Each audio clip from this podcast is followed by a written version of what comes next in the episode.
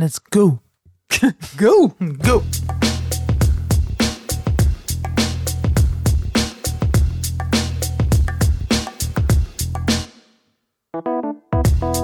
Hallo mensen en welkom bij Tussen 30 en Doodgaan, de levensvraag. De levensvragen. De levensvragen. Ze blijven maar binnenstromen. Ja, we kwamen dus achter een, een mapje. Ja. In, eh, eh, ja, dan moeten we misschien eventjes uitleggen. Ja, want sommige mensen wachten misschien echt heel lang op hun, eh, de behandeling van hun levensvraag.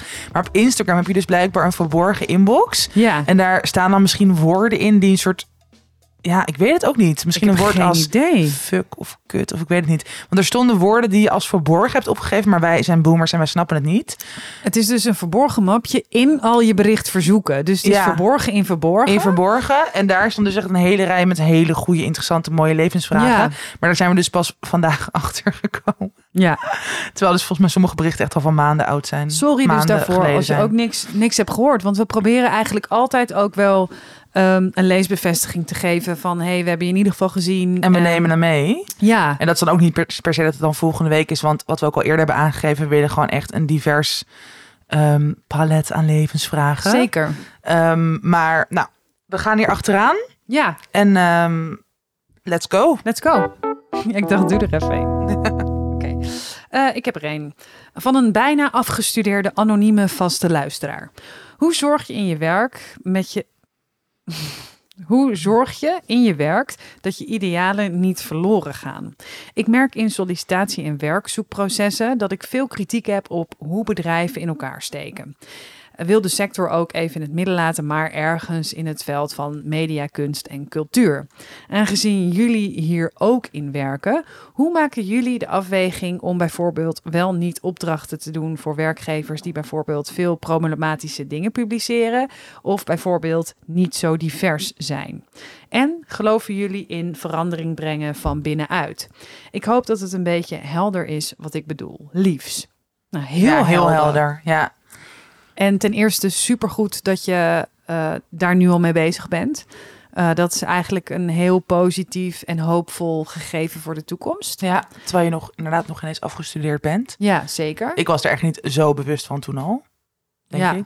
Maar ja, ik vind het dus een hele dubbele. Mhm, Want ik ben hier, ik denk dat wij er allebei ook al mee bezig zijn. Zeker. En ergens denk ik, je moet ergens beginnen. Mhm, En ik heb echt in het begin van mijn loopbaan, vooral als freelancer. En ik Ja. weet niet of deze persoon echt in een bedrijf wil gaan werken of ook als freelancer. Maar best wel wat dingen gedaan waar ik. Ja, het is niet dat ik er niet achter stond, maar wel waar ik nu, ook, ook met de kennis van nu, mhm. best wel vraagtekens bij zitten. Van, oh ja, was dat wel... Of in ieder geval, wat heb ik daaruit gehaald? En was het inderdaad goed om voor dat tijdschrift of, of hier een artikel over te schrijven of Ja. zo? Niet hele grote problematische dingen, maar wel dat ik... Nou, eigenlijk precies wat deze persoon zegt. En het gaat, bij mij ging het inderdaad vaak wel over online platforms of tijdschriften... waarvan ik dacht, Mhm. oh ja, jullie doen... Weet je, ik schrijf dan nu een artikel over body positivity... terwijl jullie eigenlijk misschien dan nu één keer hier aandacht voor hebben. Maar de rest van het jaar zie ik veel body shame en alleen maar dieetcultuur promoten. En het hebben over size zero als ideaal, et cetera. Ja, En ik geloof, ik geloof wel in verandering van binnenuit. Maar dan moet dat wel systematisch. En Mhm. één zo'n artikel per jaar gaat gewoon niks veranderen. nee. Dus het moet wel een soort wisselwerking zijn met dat je ziet dat er bijvoorbeeld. Nou, even weer over tijdsredacties, maar dat kan overal gaan. Dat je ziet dat die redacties ook veranderen. Of dat ze echt wel hun best doen voor heel veel verschillende freelancers. En hun ook ruimte geven om verschillende artikelen te schrijven. Mhm. Vanuit verschillende perspectieven. En als dat niet gebeurt, dan zou ik persoonlijk, vanuit mijn idealen, daar nu niet meer aan willen bijdragen. Ja, Maar daar ben ik ook pas sinds een, af, sinds een paar jaar gekomen. Omdat ik ook me nu dat kan permitteren. ja. Want het is wel ook altijd een kwestie van... je moet ook gewoon geld verdienen. En natuurlijk wil je dan niet bijdragen aan ziek... of niet, gewoon wil je niet bijdragen aan een plek die bijvoorbeeld... racistisch is, homofobisch, eh body shamend. Maar Mhm. het is natuurlijk wel vaak wat diegene ook zegt... als het niet divers is, is het gewoon niet zo expliciet. Ja. En dat is natuurlijk lastig, want waar trek je dan die grens? Ja, nou, ik zat te denken, bijvoorbeeld, als je kijkt naar de Telegraaf, dat vind ik gewoon een scheidkrant. Ja. Die inderdaad, weet je, net eventjes de verkeerde kant op framed. Nou, niet net. Nee, precies. Nou, dat, dat is Heel duidelijk de verkeerde heel kant op duidelijk de, Ja. verkeerde kant op framed. Waar ik me absoluut ehm, tegen zal uitspreken in, in alle vormen. Maar stel dat zij zeggen, wil jij een column? Ja, Een zou je dat doen? column in de, in- de Telegraaf. Nou, ik denk dat ik dat lastig vind. eh, om daar moet ik heel goed over nadenken. Om het of aan te nemen of af te wijzen. Ja. Maar weet niet- je dat bijvoorbeeld ehm, eh, Kitty, ken je haar? Nee. Sorry, ik, ik weet heel haar achternaam niet. Eh, ga jij dat nu zoeken? Moet ik, moet ik Ja, zoek maar wel even. Ja, zij is dus vaste columnist bij de, bij de T. Ja. En ehm, ik vind dat grappig, want zij is... Of grappig, helemaal niet per se grappig, maar Herwijer. ja, Kitty Herwijer. Zij schrijft dus veel over thema's waar wij over praten. Best wel, ja, vaak progressieve, ook Mhm. best wel feministische thema's. Ja. Ehm, over onderwerpen die ik ook heel erg belangrijk vind en die je vaak niet op die manier eh, besproken ziet bij de Telegraaf. Ja. Dus ik vind eigenlijk dat zij dus best wel een goed voorbeeld is van verandering brengen van binnenuit. Ja, inderdaad. En dan is, maar ik, ik zou wel hetzelfde hebben als jij, dat je denkt, ja, maar je schaart je dus wel onder de vleugel van de Telegraaf. Ook Ja. al breng je misschien een ander geluid. Mhm. En dat, maar goed, dat is natuurlijk voor iedereen anders. Ik zou dat persoonlijk Ja, Je wordt er toch mee geassocieerd met het merk. Ook. Ja. Kijk, ik denk, eh, dit is natuurlijk ook echt een heel breed, ehm, heel breed probleem. Hè? Want het gaat ook over, ehm, stel je bent een wit persoon en je neemt een positie in op een plek waar al heel veel witte mensen zijn. Moet je dan als beginnend eh, kunstenaar, journalist, mediamaker zeggen, nee, geef mijn plek maar aan iemand van kleur. Want ja, dat vind ik, terwijl je zelf ook. Dus maak je een, een keuze voor het individu. Eh, zodat jij uiteindelijk je idealen, als jij steviger in je schoenen staat, dat wel door kan. Of moet jij op dat moment zeggen: ehm, Dit zijn mijn idealen en ik zet een stapje eh, opzij. Ja, Ehm, ik denk eerlijk gezegd dat ik, eh, ho- hoe sterk ik dat ook vind dat dat, dat moet. Het is zo gek, want het zou dus de taak moeten zijn van het bedrijf ja. die moeten daar eigenlijk heel goed op letten. Maar dat doen ze niet. Nee. Dat- of dat nog niet goed genoeg in ieder of- of geval. nog niet snel genoeg. genoeg. Ja. Ehm, ik vind het heel lastig. Nou, wij, wij zaten zelf laatst ook in een eh, eh, situatie waarin we werden gevraagd voor een project. En er deden allerlei andere mensen eh, over na. Of mee, aan mee, ja. sorry. Ehm, en toen hebben wij ook gereageerd met... hey, nou, wel echt een heel leuk project... Maar we zien de mensen die eh, eraan meedoen... zijn eigenlijk alleen maar witte Wit, mensen. ja. En eh, nou, wij zouden heel graag mee willen doen... als het een inclusief Ja. project wordt. En anders Ja, en anders... ja, zouden we het mooi vinden als jullie Ja, mensen met een andere culturele achtergrond. ja. ehm, En daar ja, werd super goed op heel gereageerd. goed. Ja. heel goed op gereageerd en ook helemaal gelijk. En we hebben nog een lijst en we zijn nog midden in het proces. En dit Ja. is toevallig, er zijn de mensen. Dus ik denk ook dat ehm, dit hardop uitspreken. eh, kijken hoe er wordt gereageerd in zo'n ronde. Mhm. Weet je, je kan het ook in, in je kan het ook zelf al heel open aankaarten in een sollicitatieronde van hey, eh, hoe ziet jullie redactie eruit? Hoe inclusief is het? Ja. Weet je wel zo. ja, en ook gewoon dat jij dat heel erg belangrijk vindt. Dat, dat kan je echt juist heel goed verweven ook in een, so- in een sollicitatiegesprek. Want als zij, daar, als zij jou aannemen, dan, we, dan nemen ze jou ook aan met die wetende dat jij dat belangrijk Wat jouw vindt. waarden zijn. Ja. Wat jouw waarden zijn. En die waarden, die kan je vanaf die plek wel eh, dan gaan naleven. Ja. Hopelijk. Ja. ja, en ik denk dat het dus ook anders is of je echt in een bedrijf binnenkomt of dat het dus ook individuele eh, opdrachten zijn Ja.